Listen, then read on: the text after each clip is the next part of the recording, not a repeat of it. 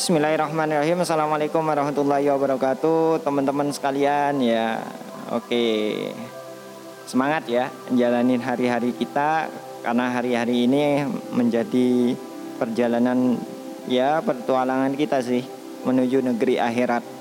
Harapannya hari demi hari kita perbaikin Perbaikin amal-amal kita Agar Jalannya mulus ya, Lancar Tak ada halangan Kayak gitu Oke, alhamdulillahirobbilalamin.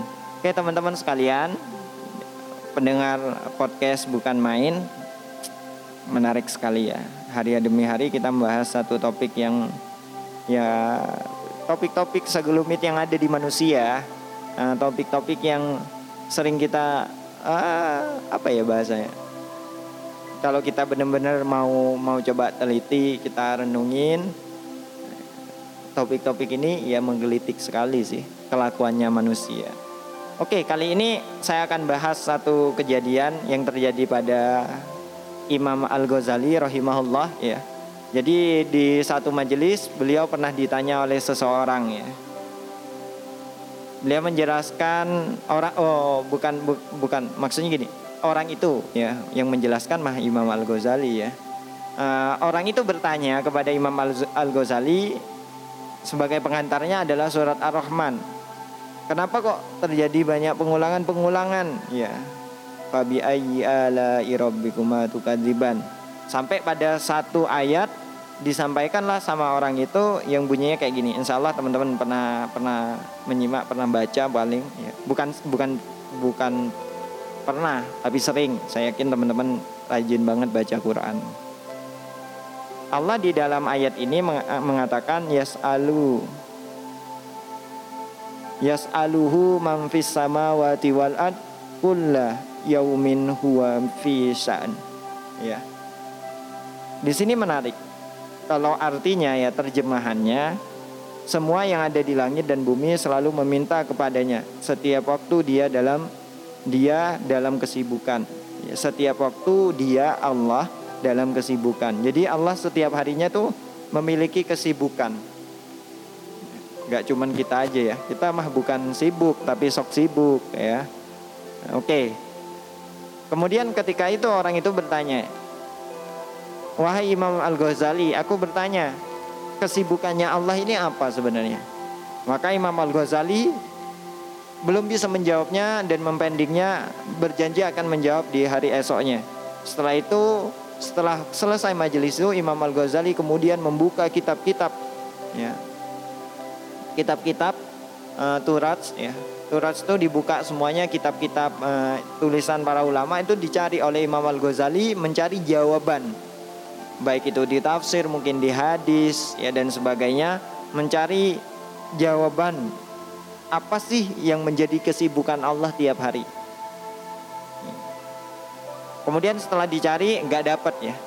Maka ketika esoknya ditanya lagi sama orang itu, belum bisa menjawab, ya akhirnya menyampaikan besok aku jawab kata Imam Al Ghazali kemudian dicari lagi gak dapet lagi. Sampai tiga malam berturut-turut. Nah, tiga malam berturut-turut akhirnya apa? Imam Al Ghazali udah bahasanya ya udahlah benar-benar saya gak tahu kayak gitu. Karena udah dicari ya. Setelah itu sebelum tidur Imam Al Ghazali melakukan sholat sunnah. Ketika sholat sunnah itu selesai kemudian lanjut dengan tidur maka Imam Al Ghazali itu bermimpi bertemu dengan seseorang yang seseorang itu juga kita rindukan dan kita berharap paling tidak di dunia kita bertemu di dalam mimpi juga dan di akhirat kita bertetangga di surganya kelak. Yaitu siapa? Ternyata Imam Al Ghazali dikunjungin mimpinya oleh Nabi Muhammad SAW. Amazing banget ya, amazing sekali. Ya. Kemudian ternyata kedatangan Nabi SAW di sana ingin menjawab ya terhadap kerisauan dari pertanyaan jamaahnya Imam Al-Ghazali rahimahullah. Ternyata apa sibuknya Allah Subhanahu wa taala? Apa yang disampaikan oleh Nabi kepada Imam Al-Ghazali sebagai jawaban buat Imam Al-Ghazali dan penanya itu dan juga buat jawaban kita semuanya? Ini ilmu ya ilmu rek gitu. Apa ternyata kesibukannya? Ternyata sibuknya Allah itu ada tiga hal dalam setiap hari. Pertama sibuknya Allah adalah membagikan rizki ya. Jadi seluruh ciptaannya Allah itu kan memiliki jaminan rizki Ya, dan setiap harinya Allah membagikan rizki kepada kepada hamba-hambanya. Yang kedua, mengangkat derajat hambanya yang memang pantas diangkat ya. Seperti orang mungkin ya. Kalau penjelasan di di nas-nas lain itu kan orang-orang yang sering nuntut ilmu akan Allah angkat derajatnya, orang beribadah, orang beriman dan sebagainya. Itu yang kedua, mengangkat derajat hambanya dan juga menghinakan atau merendahkan derajat hambanya. Itu kesibukan Allah Subhanahu wa taala. Maka ketika menjawab, mendapatkan jawaban itu esok harinya ya Imam Al-Ghazali lah yang menjadi mencari tadi. Ya. Mencari tadi orang yang bertanya kemarin-kemarin. Mana yang bertanya kemarin ini jawabannya sudah aku dapatkan.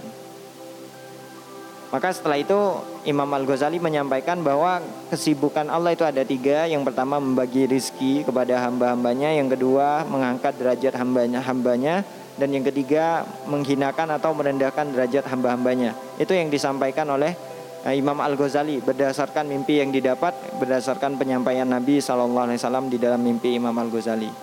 Ketika orang eh, kemudian orang itu membenarkan dan mengatakan ya bersalawatlah engkau kepada orang yang memberi jawaban ya, di dalam mimpi itu. Padahal orang itu gak tahu kan ya, apa yang terjadi semalam dalam tidurnya Imam Al Ghazali. Tapi orang itu bisa mengatakan ya bersolatlah pada orang yang memberikan jawaban di dalam mimpimu. Artinya siapa? Oh, ya, orang itu tahu bahwa Imam Al Ghazali dalam mimpinya didatangin oleh Nabi Shallallahu Alaihi Wasallam. Siapakah orang itu? Allah alam. Ya. Allah alam. Tapi yang menarik di sini ternyata kesibukan Allah itu luar biasa ya. Untuk urusan hamba-hambanya yang terkadang kita itu sering lalai, kita sering males, kita sering suuzon sama Allah dan sebagainya lah. Intinya buruk-buruknya dikasih ke Allah semuanya. Allah itu mau masih menyibukkan untuk urusan-urusan kita. Bahkan kalau kata Ustadz Hanan, Allah itu setiap harinya menyibukkan kesimpulan dari kisah ini, menyibukkan mengangkat masalah-masalah kita. Salah satunya masalah rizki, ya. Ya kita diangkat masalah-masalahnya. Bisa dibayangkan ya kita masalahnya aja sekarang ngerasa berat sekali. Bahkan kayaknya mati aja deh ya kayak putus asa kayak gitu ya. Itu berat sekali masalahnya ya. Itu udah setengahnya diangkat oleh Allah. Gimana kalau gak diangkat sama sekali? Habis kita ya. Ini bukti dari bentuk Rahman dan Rahimnya Allah Subhanahu wa taala. Ar-Rahman Ar-Rahimnya Allah Subhanahu wa taala, kasih sayangnya Allah Subhanahu wa taala kepada hamba-hambanya. Baik yang masih bermaksiat, baik yang sudah taat, baik yang lagi OTW ya, menuju taat. Allah itu baik sekali pada hamba-hambanya. Meskipun hambanya mendurhakain Allah, mungkin hambanya itu ya ya sering kita nyakitin Allah, bermaksiat kepada Allah Subhanahu wa taala, Allah masih peduli sama kita pada hamba-hambanya. Bahkan Allah sibuk di situ. Ya bisa dipahami ya, mengerjakan sesuatu terus di sana terkategori sibuk. Berarti ngur, mengurusinya bukan bukan biasa-biasa aja, tapi benar-benar luar biasa ya yang Allah berikan kepada hamba-hambanya. Allah saya menyibukkan ya, dirinya ya untuk urusan-urusan kita. Seharusnya teman-teman kita ini ya, kita inilah yang lebih menyibukkan untuk diri kita, menyibukkan kebaikan-kebaikan yang terbaik untuk diri kita. Karena itu yang menjadi kebutuhan kita, teman-teman. Tapi kenapa kok harus Allah kemudian kita malah sebaliknya? Bukan main ya manusia ya. Setelah itu kita mendurhakai memberikan uh, sudut pandang atau penilaian suuzon kepada Allah. Padahal Allah maha baik sekali.